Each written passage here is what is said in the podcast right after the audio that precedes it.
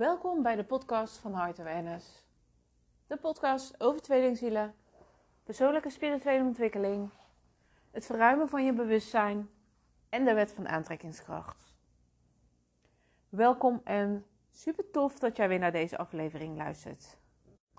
Hoe was jouw weekend? Ik hoop dat je een fijn weekend hebt gehad. Ehm, ja, mijn weekend was op zich wel oké.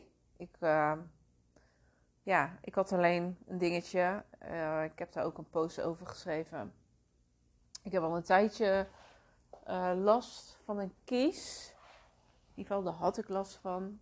Um, wat, wat wel eens pijn deed. Dat kwam wel eens opzetten, vooral als ik warm of koud dronk. Maar vorige week kwam die pijn dus meer uit zichzelf, hè, wat, wat aanwezig werd.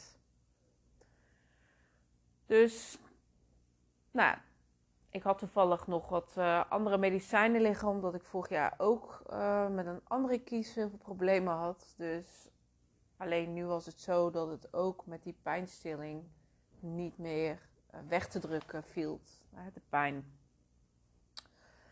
Um, dus uiteindelijk had ik weer zoveel pijn dat ik van het weekend dus naar de spoedtandarts moest.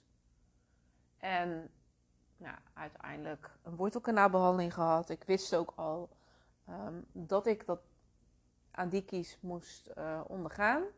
Alleen die afspraak staat pas over een aantal weken. En nu was het gewoon niet meer uit te houden. Dus ik, uh, ja, nou, daar ging ik dan naar die spoedtandarts. Nou, alles werd getriggerd in mij. Sowieso heb ik een angst voor tandartsen. Terwijl alle, um, of de laatste behandelingen die ik allemaal ben ondergaan, ja, gewoon allemaal pijnloos zijn en oké door, uh, door de verdoving. Um, nou, ik heb heel veel pijn gehad dus aan die kies. En vorig jaar heb ik dat dus ook, maar toen was de pijn dus nog heviger. Dat, ja, dat ik echt alleen maar hele dagen kon huilen van de pijn. Um, en ik kon eerst toen nog nergens terecht. Dus mijn angst was ook weer dat ik nog erger pijn ging hebben als wat ik nu al had. En dan, ik zat daar dus in die stoel. En toen zei de tandarts nog eens van, ja, oké, um, ja, we gaan kijken hoe erg het, het ontstoken is. Want ja, als het zo erg is, is, erg is dat de verdoving niet gaat werken, um, ja, dan kan ik die behandeling dus niet uitvoeren. Dus ik was helemaal in angst en oh, ik was zo bang. En ik denk, ik zei ook tegen haar van, nou, ik hoop echt dat je mij van de pijn af gaat helpen, want ik ga gewoon niet eerder weg dan dat. Nou, uiteindelijk uh, ben ik die behandeling uh, gewoon ondergaan. Verder niks aan de hand. Daarna heb ik nog een beetje wat um, ja, na pijn. Een beetje van die aanwezige zachte pijn wat, wat er nog was. Maar nou, dan was het gelukkig. Dus ik werd ook uiteindelijk gelukkig pijnvrij. Nou, nu moet ik dus over een paar weken moet de behandeling verder uh, gedaan worden. Helemaal oké, want nu zit er noodvulling in. Um, nou, dan wordt het definitief over een paar weken dus afgemaakt. En dan hoop ik dat ik uh, daarna ook echt niks meer aan mijn kiezen of mijn tanden, aan mijn gebit ga krijgen. Um, nou, ik zei dus al dat ik vorig jaar met een andere kies, dat het daar ook al mee begon. En ik geloof heel sterk of ja, ik geloof heel sterk. Nee, ik geloof erin.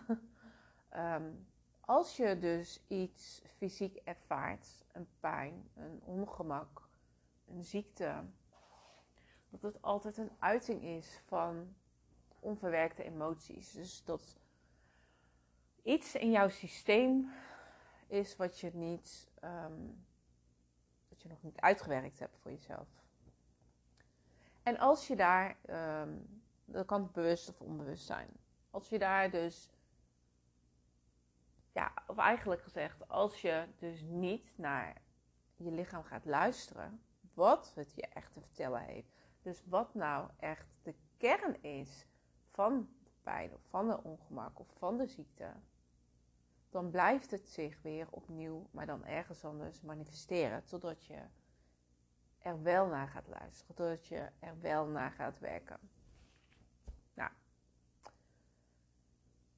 vorig jaar, ehm, toen dat dus met mijn ene kies uh, gebeurde, heb ik ook al heel veel gesprekken gehad. Een vriendin van mij die, uh, die is homeopaat en um, die is best wel uh, medisch. Of medisch, ik bedoel eigenlijk uh, alternatieve geneeskunde. Nou ja. Um, en ja, daar had ik het al met haar over van, oké, weet je, wat zit daar precies? Want ja, het manifesteert zich niet voor niks.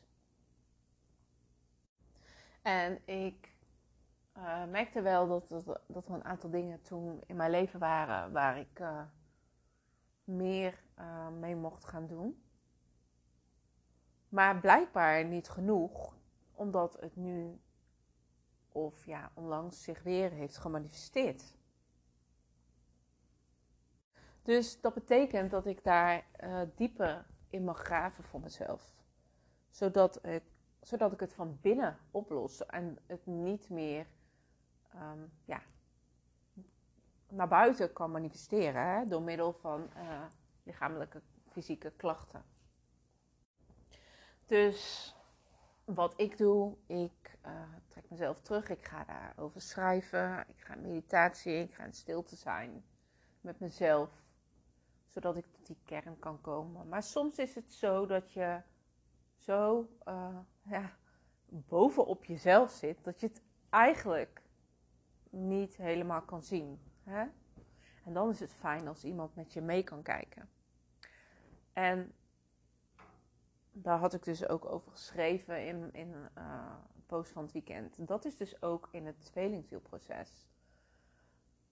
De meeste dingen, weet je, kan je zelf oplossen. Maar soms is het ook fijn als iemand met je mee kan kijken. Want als je er zo bovenop zit en zo midden in je proces zit, dan kun je het soms niet helemaal helder meer zien. Hè, vooral als je vol emoties zit, uh, als je een uh, Dark Night of the Soul uh, ervaart momenteel. Als je in het gemis zit van jouw tweelingziel. Weet je, dat zijn allemaal dingen dan, um, waar jouw mind op is gefocust. En hoe meer je je daar, en dat is onbewust, op focus mee bezig bent, hoe meer je dit aan gaat trekken, gaat manifesteren. Dus je blijft steeds hetzelfde creëren.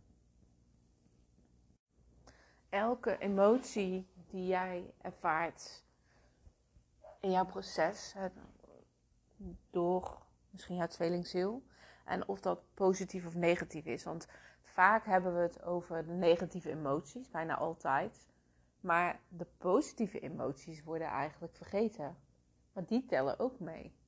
Want ook de positieve emoties, hè, die zorgen voor een, een, high, zeg maar.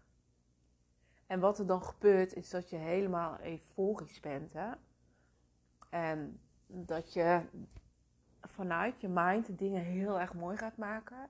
En ook die positieve emoties gaat projecteren, onbewust waarschijnlijk, op jouw tweelingziel.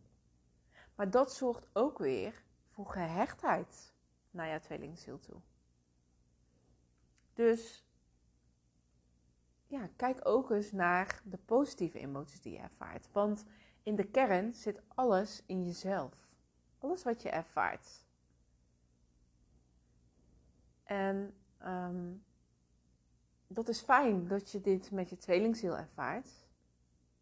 En dat je dat misschien, vaak wordt dat dan onbewust gekoppeld ook aan een persoon. Maar je mag je tweelingziel gaan zien als een spiegel. Hè, dat zie jouw tweelingziel voor je, dat hij of zij een spiegel vast heeft. En jij ziet jezelf helemaal daarin. Dus ook de positieve emoties die jij ervaart, dat ben jij, dat zit in jou. En ook met die positieve emoties uh, mag je het innerlijk werk gaan doen. En mag je gaan onderzoeken waarom je je zo voelt.